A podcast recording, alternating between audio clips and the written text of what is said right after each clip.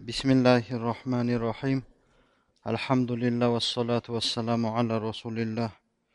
ولا نبي بعد أما بعد السلام عليكم ورحمة الله وبركاته құрметті мұсылман бауырлар ағайын туыстар мына бүгінгі дәрісімізге басып келген қадамдарыңызға алла тағалам сауаптан жазсын бүгінгі сахабамыз мәшһүр билал ибн рабах бұл сахабаның өмірі расында нағыз ислам қабылдаған кездегі пайғамбарымыз саллаллаху алейхи уассаламның сахабаларына басына түскен қиыншылықтардың қаншалықты ауыр болғанына қарамастан иманында берік тұрған басқаларға ең биік дәрежеде үлгі бола білген сахаба билал ибн рабах бұны көбірек адамдар білет хазіреті біләл десе пайғамбарымыздың азаншысы деп біледі соны бүгін толығырақ иншалла білуге алла тағала бізге және де мүмкіншілік беріп тұрғанына аллаға мың шүкірлер болсын бисмиллахи рахмани рахим биләл ибн рабах муәззину расулиллах әбу бәкрин сайидуна уа сайидана яғни умарул фаруқ разияллаху анху биләл ибн рабах расулулла саллаллаху алейхи уассаламның азаншысы әбу бәкір біздің сәйидіміз яғни әбу бәкір біздің ұлығымыз және біздің ұлығымызды азат қылды яғни құлдықтан құтқарды яғни біләлді деген бұл сөзді хазіреті үмар разиаллаху анху айтқан екен оның қазір қандай құтқарғандығын құдай қаласа осы қиссамыздың барысында білетін боламыз ли билал ибн рабахин муаззини расули салауатуллахи вассаламуху алейхи سيرة من أروع سير النضال في سبيل العقيدة وقصة لا يمل الزمان من ترديدها ولا تشبع الآذان من سحر نشيدها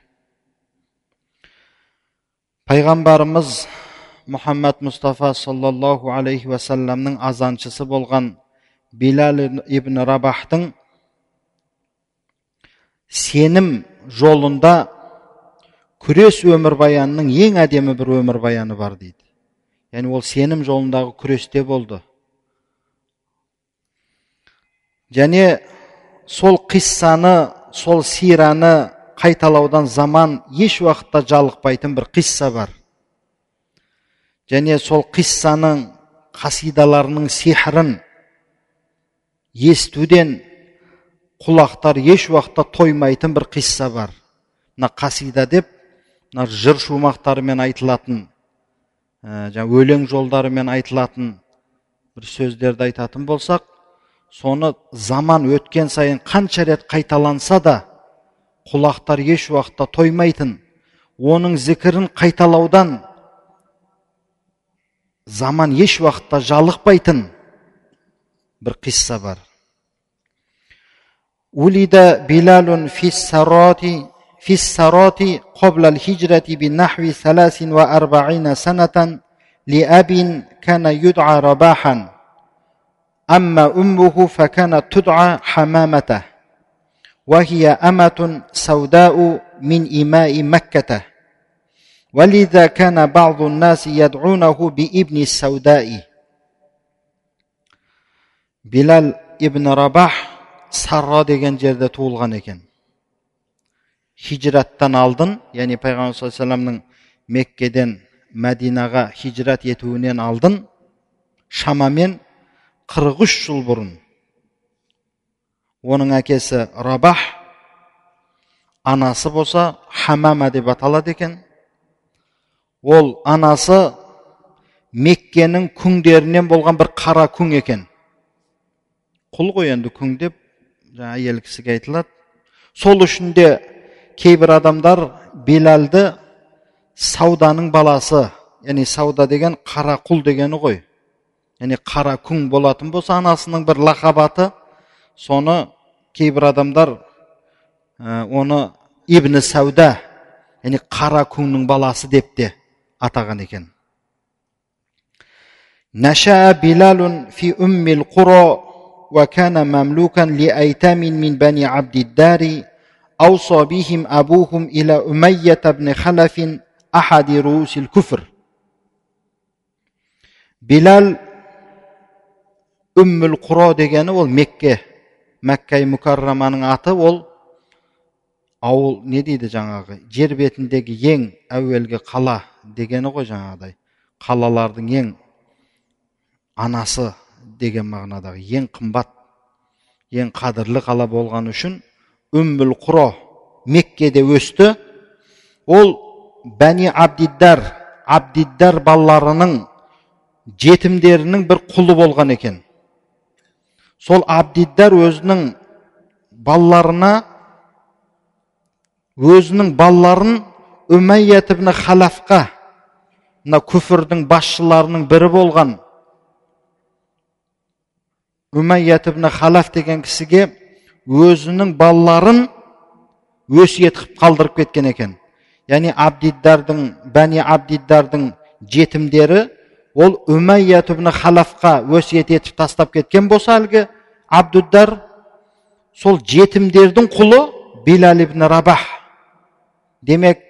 ана абдуддардан қалған жетімдердің мүлкіндегі билалға үмәйят халаф өз өзіне неге болып қалды? Өйткені ол абдуддар өзінің жетім балаларын үмәйят халаф деген күфірдің ең басының бірі болған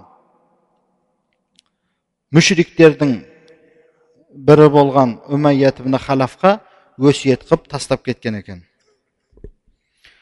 ولما أشرقت مكة بأنوار الدين الجديد وحتف الرسول الأعظم صلى الله عليه وسلم بكلمة التوحيد كان بلال من السابقين الأولين إلى الإسلام.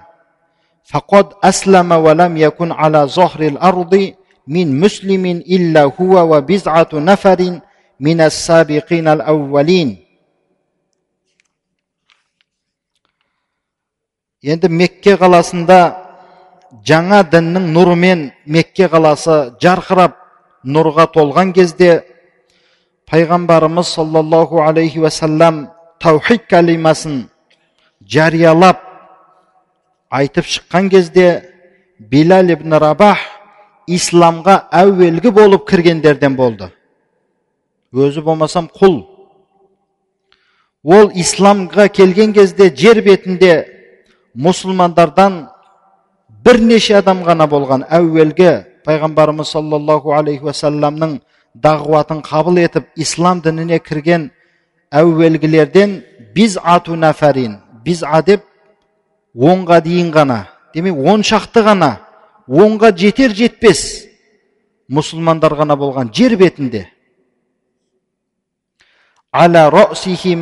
Хадиджату бинту хуайлидин мүминин وأبو بكر الصديق وعلي بن أبي طالب وعمار بن ياسر وأمه سمية وصحيب الرومي والمقداد بن الأسود وقد لقي بلال من أزل المشركين ما لم يلقاه سواه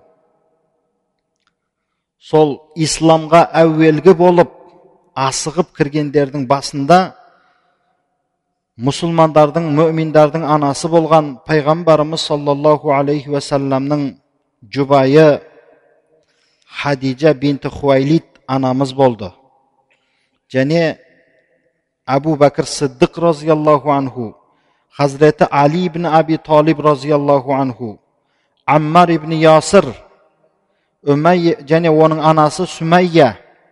және сухайбир руми. Біз сухайбир румидің қиссасын несін өмірбаянын өткен болатынбыз. Және миқтад ибн асвад міне осы жеті сегіз адам ғана онға жетпейтін саусақпен санарлық қана жер бетінде мұсылмандар болды.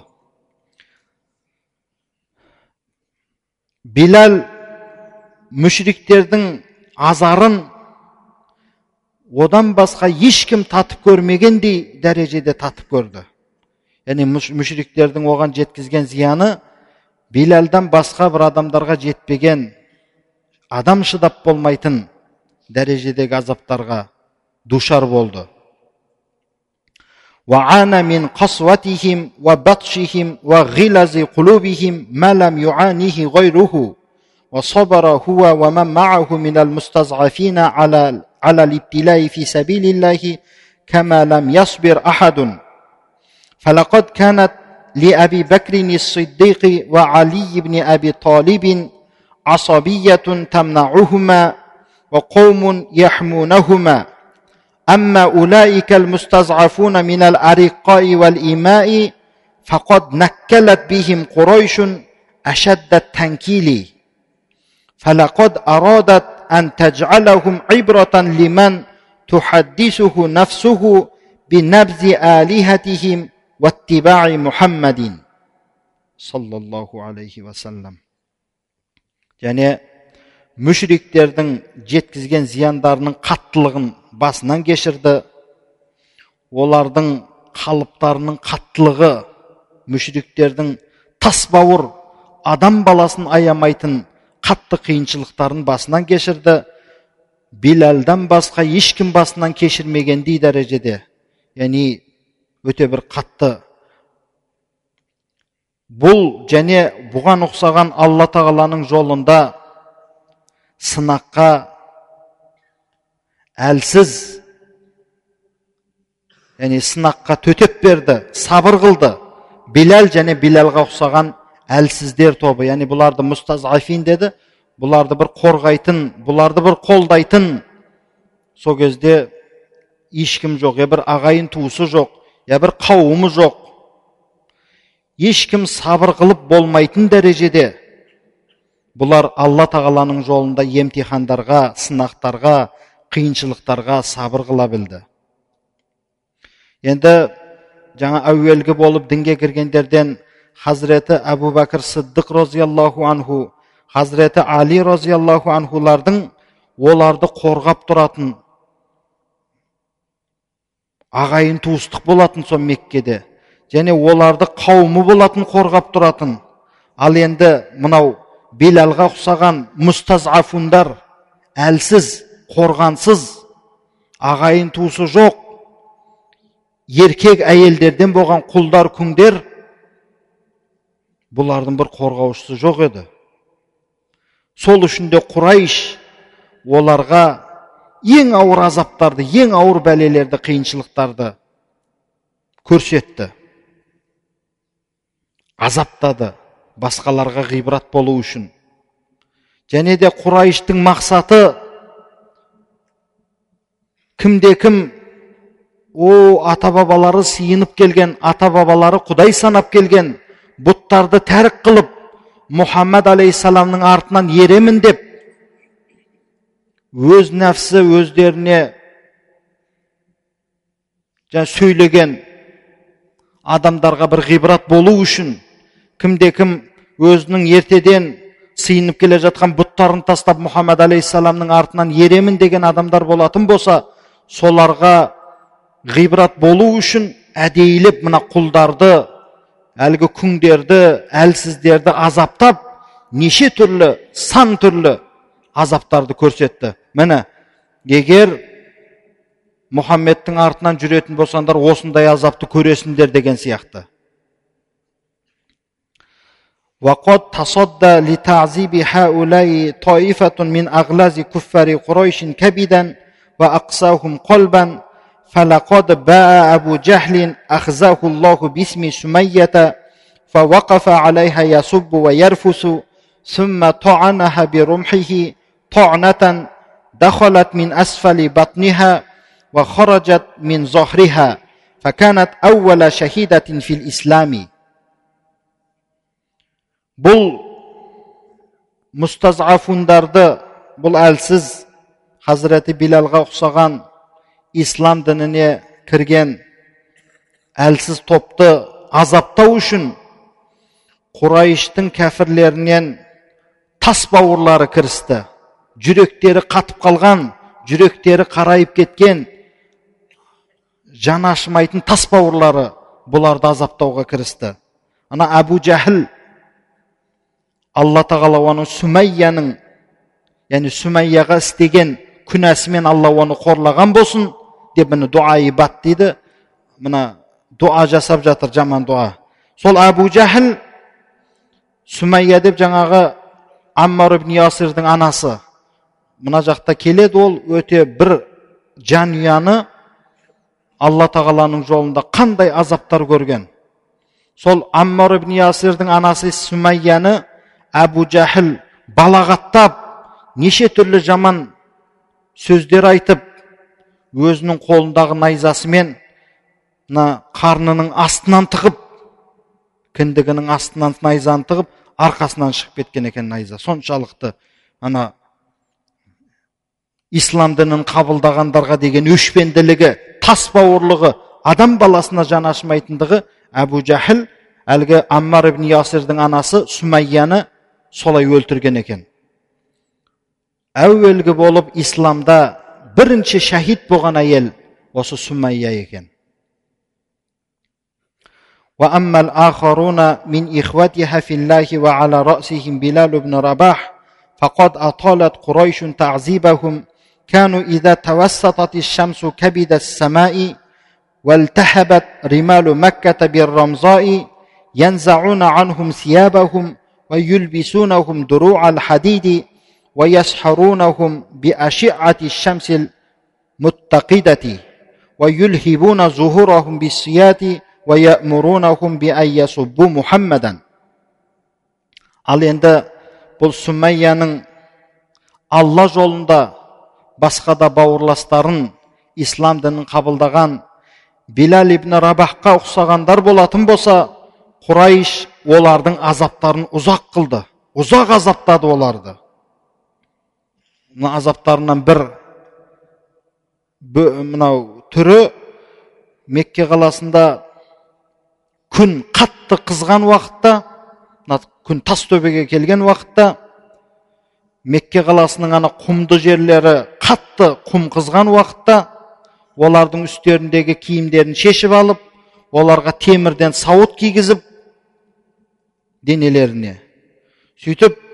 қызып тұрған күннің сәулесімен олардың денелерін күйдіреді екен. Енді өзіңіз ойлап көріңіз елу алпыс градус ыстық. Ол құмда аяғыңызбен тұрып болмайтын дәрежеде ыстықта денесіне темір сауыттарды кигізіп күннің астына қойып қойып тұрып азаптайды екен. Және олардың арқаларынан қамшымен сабайды екен. Сондағы бар ойлағандары мұхаммад алейхисаламды сөгіңдер. Ол пайғамбар емес деп сөгіңдер. Оның дініне кірмейміз деп бас тартыңдар деп сол азаптарды көрсетеді екен.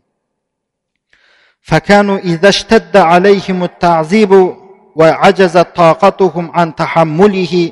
يستجيبون لهم فيما يريدونه منهم وقلوبهم معلقة بالله ورسوله إلا بلالا رضي الله عنه وأرضاه فقد كانت نفسه тахуну алейхи филлахи азза ва джалла енді осы азап көріп жатқан топ әлгі әлсіз исламға жаңа кірген оларды қорғап қалатын қауымы жоқ оларды қорғап қалатын ағайын туысы жоқ әлсіз топ оларға азап жандарынан өтіп кеткеннен кейін олардың сол азапты көтеруге шамалары жетпей қалған кезде бұлардың енді қалағандарын орындауға мәжбүр болды. Яғни мұхаммадты сөк десе мәжбүр тілдерімен сол сөзді айтуға тура келді бірақ олардың жүректері алламен және алланың расулымен байланып тұр еді жүрекпен пайғамбарымыз саллаллаху алейхи уассаламды жалғанға шығарған жоқ. Бірақ төтеп бере алмайтын азап болып кеткеннен кейін кішкене шыдас бермегеннен кейін тілдерімен айтуға мәжбүр болды кейбіреулері бірақ биләл разиаллаху анху алла одан разы болған болсын және оны разы еткен болсын алла тағала оның нәпсі алла тағаланың жолында сонша азаптың қаттылығына қарамастан сонша азап оған жеңіл болды алланың жолында وكان الذي يتولى كبر تعذيبه أمية بن خلف وزبانيته لقد كانوا يلهبون ظهره بالسيات فيقول أحد أحد ويطيق ويطبقون على صدره الصخور فينادي أحد أحد ويشتدون عليه في النكال فيهتف أحد أحد كانوا يحملونه على ذكر اللات والعزى فيذكر الله ورسوله ويقولون له قل كما نقول فيجيبهم إن لساني لا يحسنه енді бұл билал ибн рабахтың билал ибн рабахты азаптауға иелік еткен ол үмәйят ибн халаф ана күфірдің басы болған абдуддардың балдарының жетімдерінің асыраушысы болған енді бұның егесі ғой енді былайша айтқан уақытта бұл билал ибн хабашқа да егелік қылады ғой және ол және оның забаниялары дейді забания деген өзі дозақтағы азап періштелерін айтады соны айтып тұрмын еді оның көмекшілері жаңағы үмәйят ибн халафтың жанындағы. Олар билал ибн рабахтың арқасынан ыстық күнге шығарып қойып қамшымен тілгілеп сабалайды. Сонда да билал ибн рабах ахат ахат алла жалғыз алла жалғыз деп. Олар оның көкірегіне үлкен ыстық тасты бастырып қойды. Таудың тасын. Сонда да ол ахат ахат деп айқайлады. Олар азапты қатты қылды одан да үдете түсті. Сонда да алланың жолында бүкіл бұл азаптардың барлығы оның нәпсіне жеңіл болды. Ахат ахат деген сөзінен танбады. Олар бұған жалғыз алланы емес ләт уәл үззә өздерінің анау бұттарын санамдарын зікір етуге мәжбүрледі. Ал биләл болса ол алланы және алланың расулын зікір етті олар айтады екен жаңағы ибн халаф қасындағы көмекшілері өзі шаршаса ана көмекшілеріне береді ұрып ұрып шаршап кеткен екен хазіреті биләлді бұған келіп айтады екен біз не айтсақ соны айт дейді екен. Яғни алла жоқ мұхаммад пайғамбар емес мына ұзза ләттарды айт дейді ғой енді. Сөйтсе билал ибн рабах не дейді? Менің тілім бұны жақсы көрмейді дейді мен тілім айтпайды бұл сөздерді айтқысы келмей жатыр қаламайды менің тілім бұл сөздерді айтуды дейді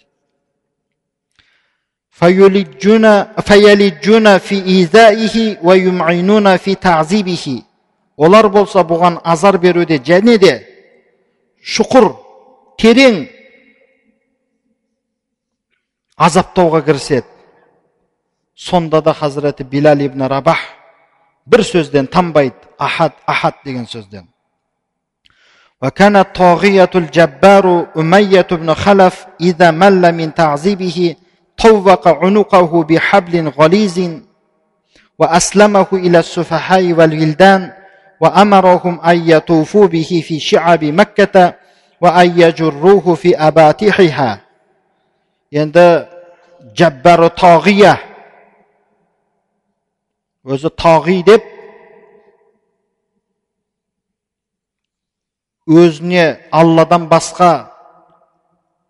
сыйынушы жаңағы шайтаны тағи дейміз ғой залым алладан басқа мағбуд өзін санаған үмәйят ибн халаф бұл билал ибн рабахты азаптаудан жалығып кетсе оның мойнына бір қалың жіпті байлап жас балалар мен бір жындылардың қолына ұстатып жаңа итке ұқсатып. Оларға бұйырады екен мынаны меккенің бүкіл соқпақ даласын бәрін айналдырып шығыңдар жүгіріп. Мұны сүйреп меккенің анау ауылдың сыртына барып меккенің сыртына барып бүкіл жер шарын жаңа жер дүниені кездіріп сүйреп шығыңдар деп соларға бере салады екен жаңағы мойнына жіп байлап فكان بلال رضوان الله عليه يستعذب العذاب في سبيل الله ورسوله ويردد على الدوام نشيده العلوي أحد أحد أحد أحد فلا يمل من ترداده ولا يشبع من إنشاده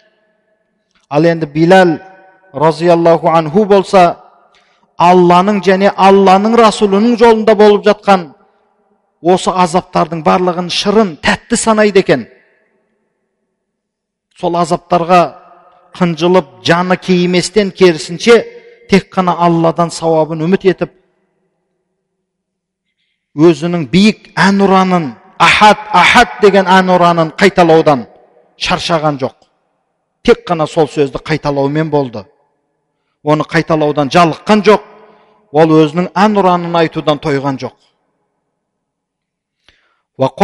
عرض أبو بكر الصديق رضي الله رضوان الله عليه على أمية بن خلف أن يشتريه منه فأغلى به الثمن وهو يظن أن أبا بكر لا يأخذه فاشتراه منه بتسع أواق من الذهب. فقال له أمية بعد أن تمت الصفقة لو أبيت أخذه إلا بأوقية لبعته. فقال له الصديق لو أبيت بيعه إلا بمئة لاشتريته. بركنا حضرة أبو بكر الصديق رضي الله عنه أمية بن خلف قجول غب بلال بن رواحة ربحت ودان سطب لغة أسن سيطة عند أمية بن خلف حضرة أبو بكر الصديق رضي الله عنه әдейілеп масқаралап жаңағыдай бұның бағасын тым қымбат айтты. Сондағы ойы ойлады ол әбу бәкір сиддық разиаллаху анху бұны сатып алмайды. Мынанша тұрады деп бір қымбат ақшаны айтты. Сонда хазіреті әбу бәкір сиддық разиаллаху анху тоғыз уқия алтынға сатып алған екен. Енді есептеңіз бір оқия 400 дирхам немесе бір кило 248 грамм алтын есептеңіз сонда тоғыз уқия болатын болса ол қанша көп ақша болады енді сондағы ойы жаңа көп ақшаны айта салғандағы ойы бұл алмайды деген ой болды үмәйя сауда саттық біткеннен кейін хазіреті әбу бәкір сыддық разиаллаху анху сатып алғаннан кейін былай дейді. Сен егер бұны бір уқияға сатып алам десең де сатып жіберетін едім ғой дейді. Мен саған айта салып едім мына қымбат ақшаны ала салдың. Сен егер бір уқияға сатып алам десең де мен бере салар едім ғой десе хазіреті әбу бәкір сыддық разиаллаху анху айтады. Егер сен оны мың ә, жүз уқияға сатам дегенде де мен сатпаймын тек қана жүз уқияға сатам дегеніңде де мен алған болар едім дейді. ولما أخبر الصديق رسول صلوات الله وسلامه عليه باشترائه بلالا وإنقاذه من أيدي معذبيه قال له النبي عليه الصلاة والسلام الشريكة يا أبا بكر. فقال له الصديق رضوان الله عليه لقد أعتقته يا رسول الله. حضرت أبو بكر الصديق رضي الله عنه расулалла саллаллаху алейхи уассаламға билал ибн рабахты сатып алып оны азаптап жатқандардың қолынан құтқарғандығын айтқан кезде пайғамбарымыз алейхисалам хазіреті әбу бәкір сиддық разиаллаху анхуға әбу бәкірин мені де серік қылғын сол билалға сен сатып алған иелік еткен құлыңа дұрыс айтасыз мүмкін мен осылай да ойладым мүмкін сауабына серік қыл деді ма жоқ сол құлға екеуміз серік болайық деді ма екеуміздің ортақ құлымыз болсын деді ма сонда хазірет әбу бәкір сиддік разиаллаху анху айтты я расулаллах мен оны азат қылып жібердім деді құлдықтан босатып жібердім деді أذن الله لنبيه صلى الله عليه وسلم بالهجرة إلى المدينة هاجر بلال رضوان الله عليه في جملة من هاجر ونزل هو والصديق وعامر بن فهر في بيت واحد فأصيبوا بالحمى جميعا فكان بلال إذا أقلعت عنه الحمى رفع عقيرته وجعل يترنم بصوته العذب قائلا ألا ليت الشعر هل أبيتن ليلة بفخ وحولي إذخر وجليل وهل أريدا يوما مياه مجنة وهل يبدون لي شامة وطفيل пайғамбарымыз саллаллаху алейхи уассаламға алла тағала мәдина қаласына хижрат етуге ізін берген кезде рұқсат берген кезде билал ибн рабах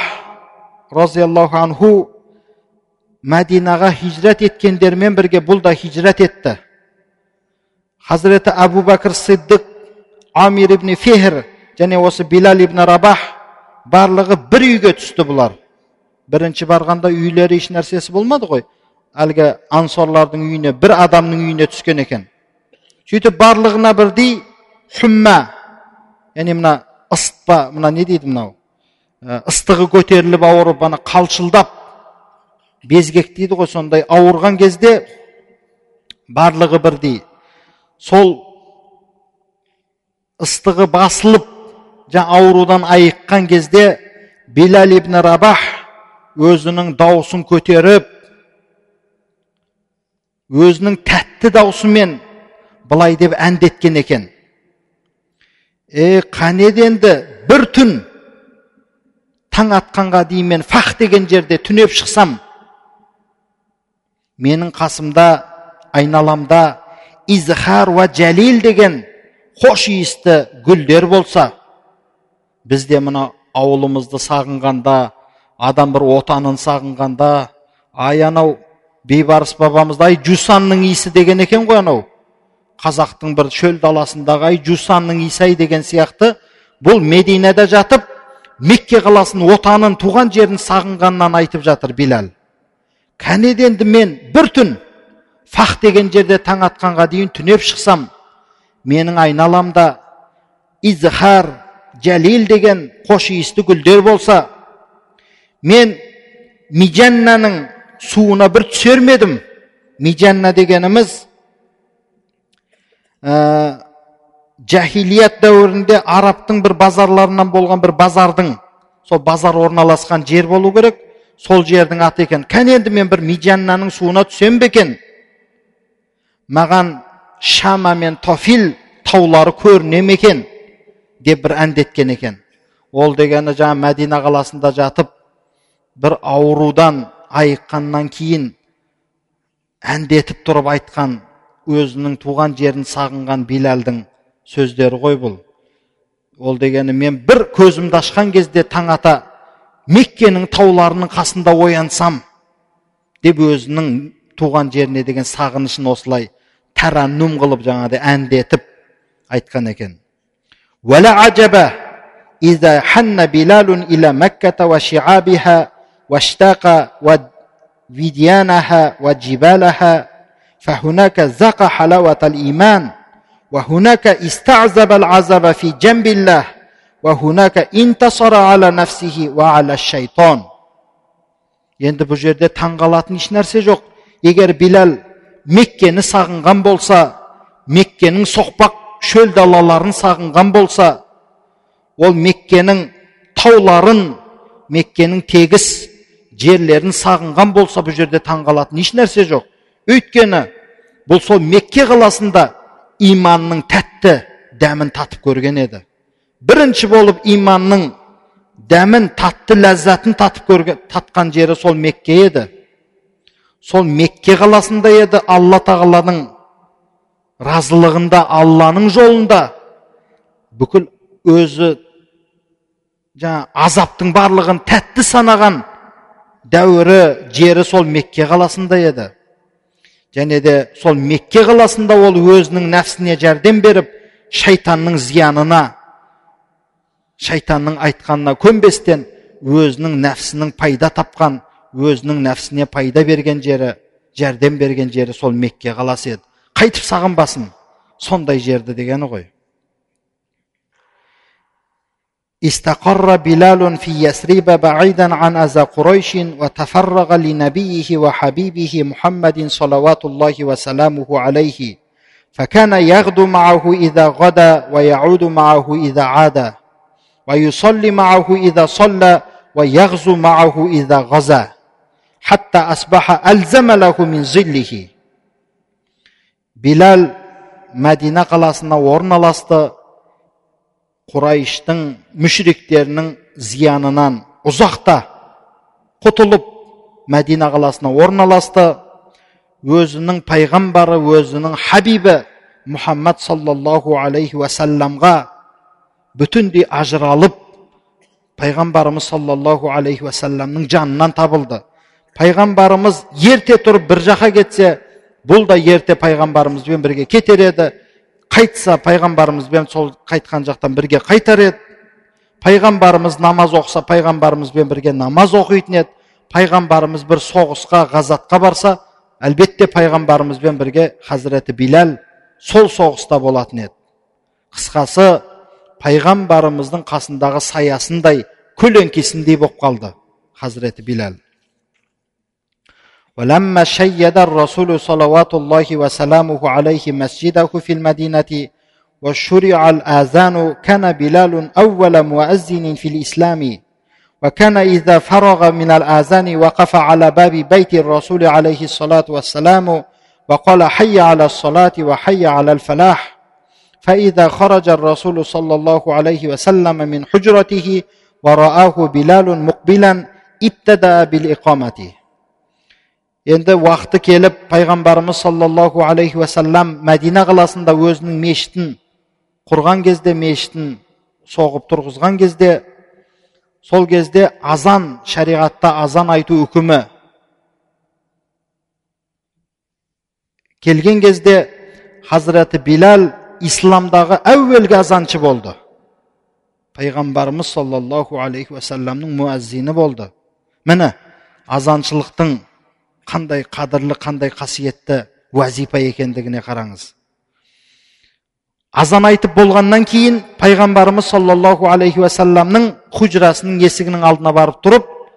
дауыстап тұрады екен хайя ала сола хайя алал фалах деп пайғамбарымыз саллаллаху алейhi хужрасынан шыққан кезде хазіреті билал пайғамбарымыздың жамағатқа қарай жүріп келе жатқанын көріп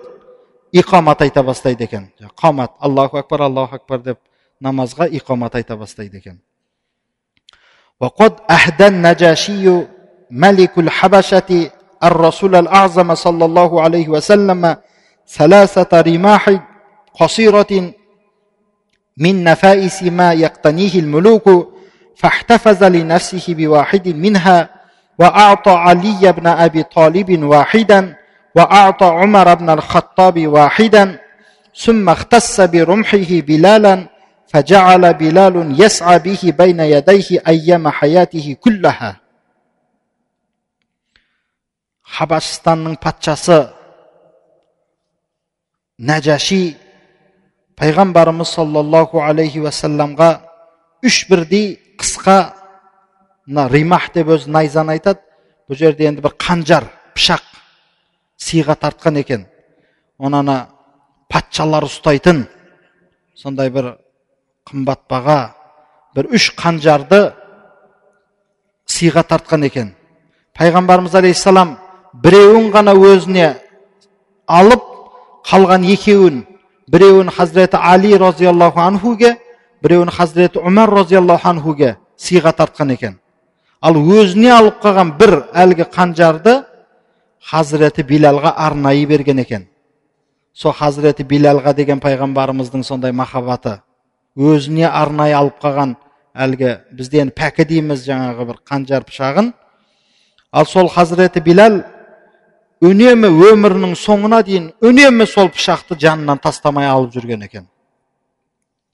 فكان يحمله في العيدين وفي صلوات الاستسقاء ويركزه أمامه إذا أقيمت الصلاة في غير المسجد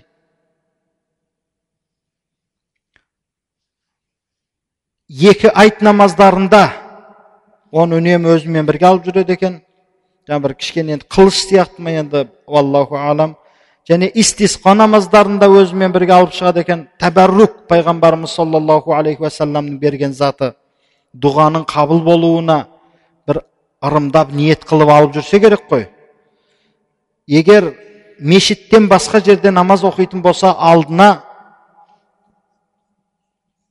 нетіп қояды екен шаншып әлгі пайғамбар саллаллаху алейhi берген әлгі қылыш сияқты кішкене найзаны сөйтіп намаз оқиды екен ولقد شهد بلال مع نبيه بدرا فراى بعينيه كيف انجز الله وعده ونصر جنده وشهد مسارع الطغاة الذين كانوا يعذبونه سوء العذاب وابصر ابا جهل واميه بن خلف صريعين تنوشهما سيوف المسلمين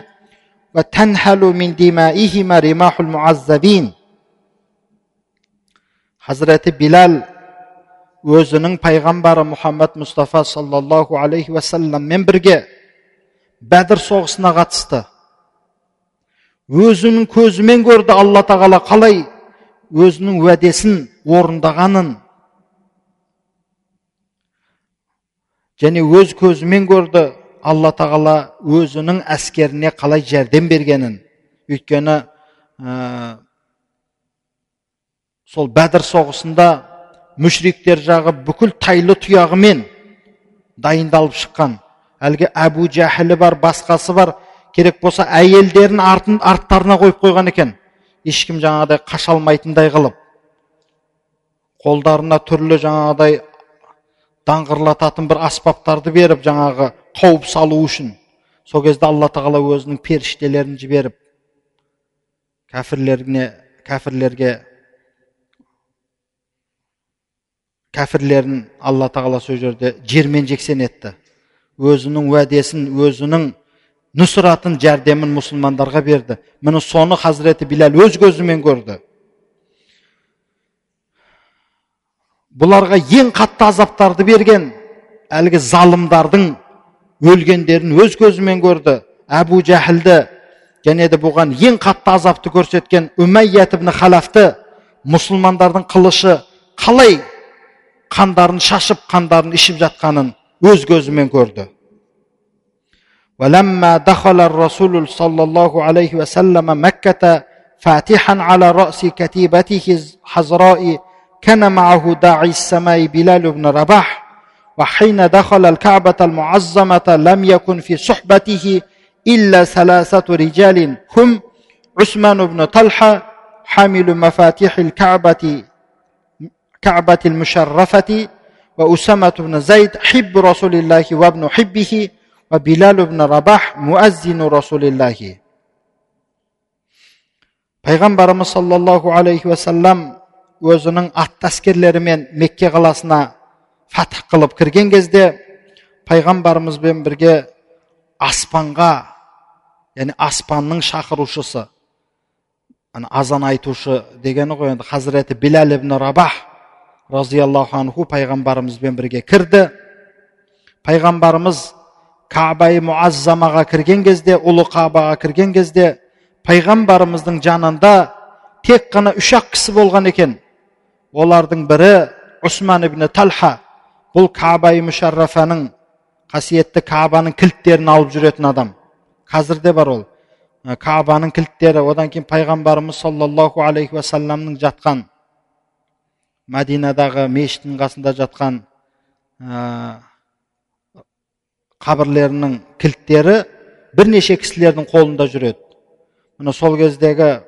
кабаның қасиетті кабаның кілттерін көтеріп жүретін усман ибн талха деген кісі болған пайғамбарымызбен бірге. Және пайғамбарымыз саллаллаху алейхи уассаламның ең жақсы көрген баласындай болған зайд ибн харис. Зайд ибн хариса. Хиббу расулилля болса уабну хиббихи усамат ибн зайд пайғамбарымыздың баласындай болған зайд ибн харисаның баласы усамат ибн зайд болды үшінші билал ибн рабах пайғамбарымыз саллаллаху алейхи уассаламның азаншысы болды демек пайғамбарымыз алейхисалам кабаға бірінші кірген кезде фатх қылғанда қасындағы үш кісіні естен шығармайық бірінші усман ибн талха екінші усамат ибн зайд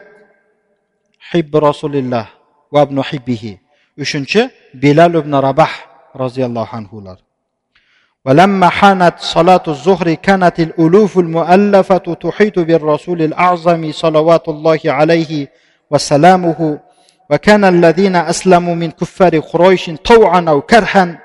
يشهدون ذلك المشهد الكبير. عند ذلك دعا الرسول صلى الله عليه وسلم بلال بن رباح وأمره أن يسعد على ظهر الكعبة وأن يعلن من فوقها كلمة التوحيد فصدع بلال بالأمر وأرسل صوته الجهير بالآذان сол кабаға кірген күні бесін намазы болған кезде пайғамбарымыз саллаллаху алейхи уассаламды мыңдаған қасында улуфул муаллафа қасындағы тілегі бір көңілі бір сахабалары қоршап тұрған кезде және құрайш кәфірлерінен мәжбүр немесе пайғамбарымызға итаат қылып ислам келтіргендер сол үлкен бір көрініске куә болды. Сол кезде пайғамбарымыз саллаллаху алейхи уассалам хазіреті билал ибн рабахты қасына шақырып оған кағбаның төбесіне шығуға бұйырды сөйтіп қағабаның төбесіне шығып таухид кәлималарын дауыстап тұрып айқайлап тұрып айтуды яғни азан кәлималарын ғой айтуды бұйырды. Биләл пайғамбарымыздың әмірін орындап өзінің жария жаңа биік даусымен азан кәлималарын кабаның төбесінде тұрып айқайлады азан шақырды. آلاف الأعناق نحوه تنظر إليه وانطلقت آلاف الألسن تردد وراءه في خشوع мыңдаған мойындар оған қарай созылып тұрды қарап мойындар кабаның төбесіне қарай мыңдаған тілдер оның айтын артынан азан кәлималарын хушумен ықыласпен қайталап тұрды أما الذين في قلوبهم مرض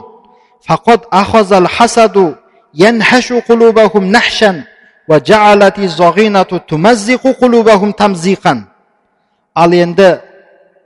жүректерінде имандары әлсіз жүректерінде имандары халис емес енді енді пайғамбарымыз саллаллаху алейхи уассаламның меккеге кіргенде айтты ғой кімде кім пәленшенің ауласына кірсе ол аман болады.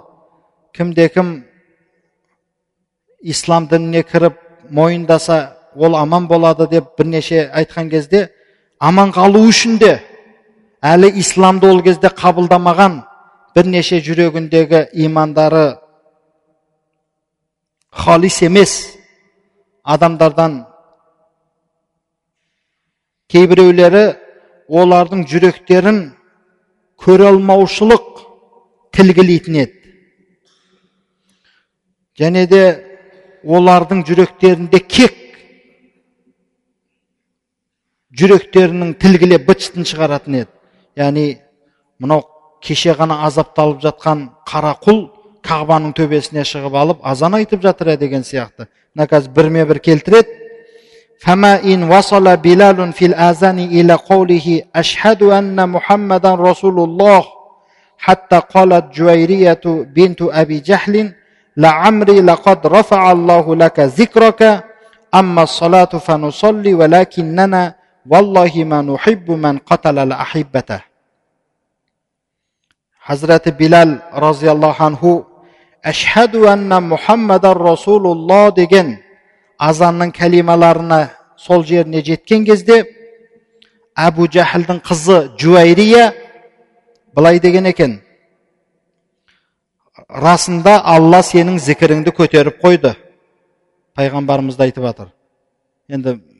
ләж жоқ мойындаймыз сенің зікіріңді алла көтерді мәртебеңді көтерді бірақ намаз болса біз оны оқимыз намаз болса оқимыз ал енді аллаға қасам біздің жақындарымызды өлтірген адамдарды біз жақсы көрмейміз деді жүрегінде бір несі бар ғой өйткені өйткені оның әкесі әбу жәһіл мүшриктердің ең залымы болған әбу жәһіл бәдір соғысында өлтірілген еді соны айтып тұр бұл жерде әлі де иманы халис болмаған وقال خالد بن أسيد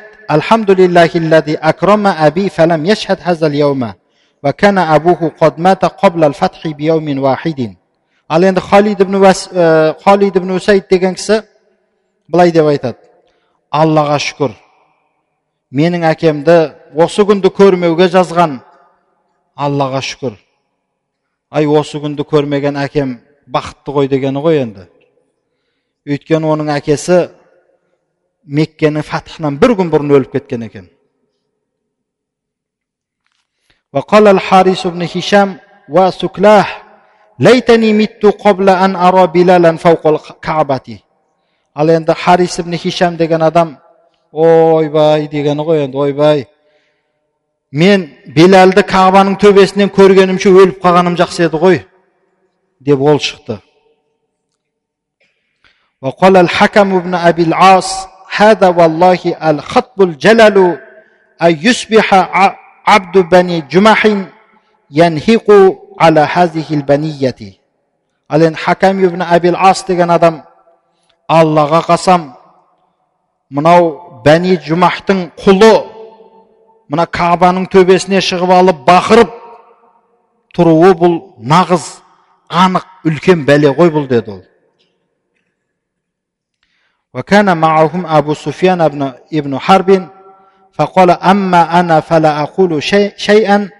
فإني لو فهت بكلمة لنقلتها هذه الحصاة إلى محمد بن عبد الله ал енді әбу суфиян ибн харб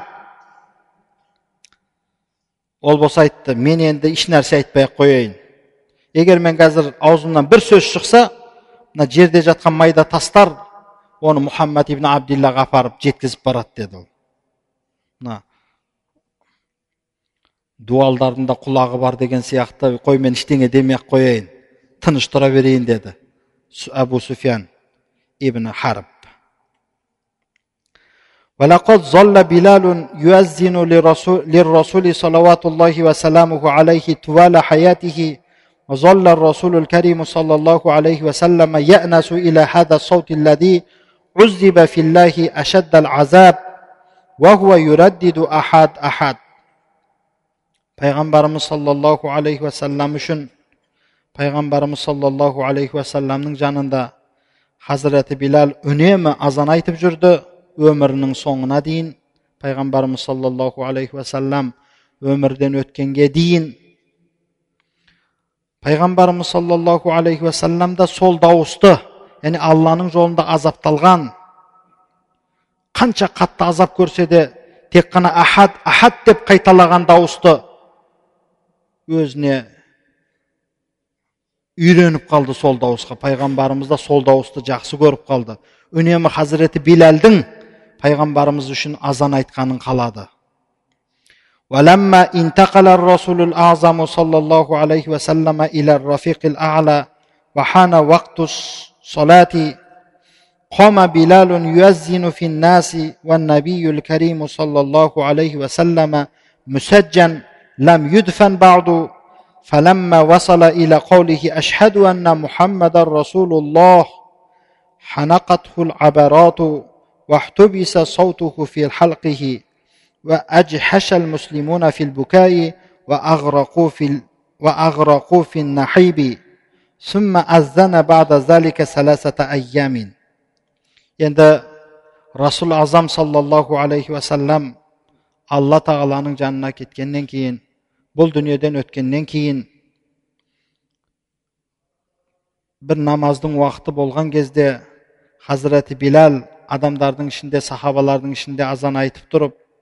а пайғамбарымыз болса ол уақытта әлі жерге тапсырылмаған беті жабық күйінде хужрасының хужрасында пайғамбарымыз саллаллаху алейхи уассалам әлі жерленбеген күйінде жатқан еді хазіреті билал әшхәду әнна мұхаммадан расулулла деген азанның кәлималарына жеткен кезде көз жастары оны буып қойды енді көз жастар оған ары қарай азан кәлималарын айтуына шамасы жетпеді оның даусы алқымына тығылып қалды жылаған адам сөйлей алмай қалады ғой жаңағыдай кемсеңдеп мұсылмандар да оны естіп хазіреті біләлді сол халде көрген мұсылмандар да жылауға кірісті еңіреп шектен шыға жылады мұсылмандар сол күннен кейін хазіреті биләл үш ақ күн азан айтқан екен пайғамбарымыз саллаллаху алейхи уассалам дүниеден өткеннен кейін үш күн азан айтқан екен فكان كلما وصل إلى قوله أشهد أن محمد رسول الله بكى وأبكى عند ذلك طلب من أبي بكر خليفة رسول الله صلى الله عليه وسلم أن يعفيه من الآذان بعد أن أصبح لا يحتمله ол сол үш күннің ішінде әшһәду анна мұхаммадан расулулла деген кәлималарға жеткен кезде өзі де жылады қасындағы басқаларды да жылатты содан кейін пайғамбарымыз саллаллаху алейхи уассаламның халифасы хазіреті әбу бәкір сиддық разиаллаху анхудан азан айтудан босатуды сұрады өйткені пайғамбарымыз дүниеден өткеннен кейін бұл азан айтуға шамасының жетпейтіндігін айтып мен расулалладан кейін ешкімге азан айтпаймын деп әмирул мүминин халифа әбу бәкір сыдық разиаллаху анхудан азан айту вазифасынан босатуды сұрады واستأذنه في الخروج إلى الجهاد في سبيل الله والمرابطة في بلاد الشام فتردد الصديق رضوان الله عليه في الاستجابة لطلبه والإذن له بمغادرة المدينة فقال له بلال إن كنت اشتريتني لنفسك فأمسكني وإن كنت قد أعتقتني لله فخلني لمن أعتقتني له. فقال أبو بكر Валлахи маштарайтука илля лиллах, вама а'тактука илля фи сабилихи. Факала Билал, инни ла уаззину ахадин бада Расулиллахи. Факала Абу Бакрин, лака. Сол азан айту вазифасынан босатып, алланың жолында жихадқа шығуға рұқсат сұрады және анау шам қалаларының шекарасында шекарашылық қылуды шекара күзетуге жіберуін өтінді. Ал енді әбу бәкір сиддық разиаллаху анху болса оның бұл талабын орындауға қиналды. Бұл талабын орындауға екіленіп ойланды әбден. Оған мәдина қаласын тастап шам қаласына қарай кетуіне рұқсат беруіне әбден ойланды. Сол кезде хазіреті биләл хазіреті әбу бәкір сиддық разиаллаху анху пайғамбарымыздың халифасына барып былай деді егер мені өз нәпсіңіз үшін сатып алған болсаңыз әлгі анау үмәят халафтан құлдықтан босатып өз нәпсіңіз үшін өзіңіздің пайдаңыз үшін сатып алған болсаңыз мені ұстап қала беріңіз ал егер мені аллах үшін азат еткен болсаңыз сол аллах үшін мені яғни азат еткен зат үшін мені қоя беріңіз енді. Жолымды босатыңыз. Сол кезде хазіреті әбу бәкір разиаллаху анху аллаға қасам мен сені тек қана алланың разылығы үшін сатып алып азат еттім деді. Мен сені енді қоя берсем де босатсам да тек алланың жолында алланың разылығында мен сені босатамын деді. Сол кезде билал айтты мен енді бұл күннен кейін расулалла саллаллаху алейхи уассаламнан кейін ешкім үшін азан айтпаймын деді. Сол кезде хазірет абу бәкір бұл нәрсе сен үшін болсын мақұл. Азан айтпасаң айтпай расулалладан кейін ешкім үшін азан айтпаймын дегеннен кейін пайғамбарымыздың халифасы хазіреті әбу бәкір сиддық разиаллаху анху да рұқсат берді.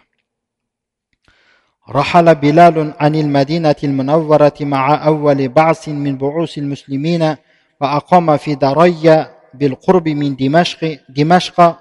ولقد ظل ممسكا عن الآذان حتى قدم عمر بن الخطاب بلاد الشام فلقي بلالا رضوان الله عليه بعد غياب طويل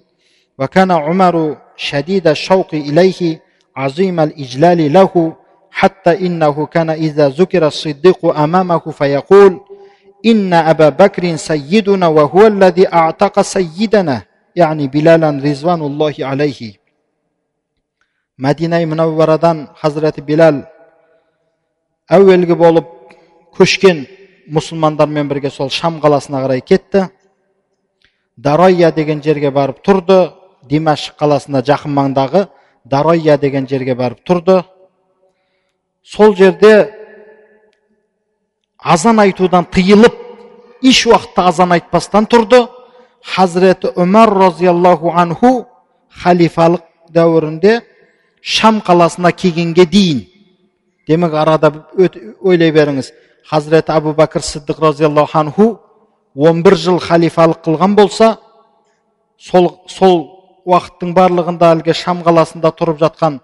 хазіреті биләл бір мәртеде азан айтпастан хазіреті омар шам қаласына халифа болып тұрып келген кезде хазіреті биләлді жолықтырып ұзақ көріспегеннен кейін жолықтырып хазіреті омар оны қатты сағынған еді және оны қатты құрмет тұтатын еді сол үшін де былай деп яғни сиддық әбу бәкір сиддық разиаллаху анхуды еске алған кезде хазірет омар айтады екен әлбетте әбу бәкір сиддық біздің ұлығымыз және ол біздің ұлығымызды азат етті деп хазіреті билал разиаллаху анхуды назарда тұтып айтады екен әбу бәкір сиддық разиаллаху анху біздің сәйидіміз және де бұл біздің сәйидіміз билалды азат етті деп хазіреті билалдың алдыңғы құл болғанына мән берместен бұл біздің ұлығымыз деп халифа хазіреті омардай әділ зат солай деп айтады екен құрметінен оған деген وهناك عزم الصحابة على بلال أن يؤذن في حضرة сол сәтте сол жерде сахабалар хазіреті омар разиаллаху анхудың құзырында хазіреті билалдан азан айтып беруін өтінді فما إن ارتفع صوته بالآذان حتى بكى عمر وبكى معه الصحابة حتى إخزلت إحزلت اللحى بالدموع оның даусы азанмен көтеріліп азан айтып бастаған сәтте хазіреті умар разиаллаху анху жылады онымен бірге қасындағы барлық сахабалар жылады сақалдары су болды فلقد أهاج بلال أشواقهم إلى عهود المدينة المنورة хазіреті биләл азан айтумен сол жердегі хазіреті Омар басқа да сахабалардың мәдина мұнаввара дәуіріне болған сағыныштарын қозғады деп тұрып мұсаниф айтады қандай берекелді дәуір еді? деп қояды. Мына кей кезде жасы ұлғайған кісілер өзінің өткен кеткен дәуірін есіне алып ой қандай дәуір еді ол деп жатады ғой сол сияқты азан айтып бүкіл сахабалардың мәдина дәуірін естеріне түсіріп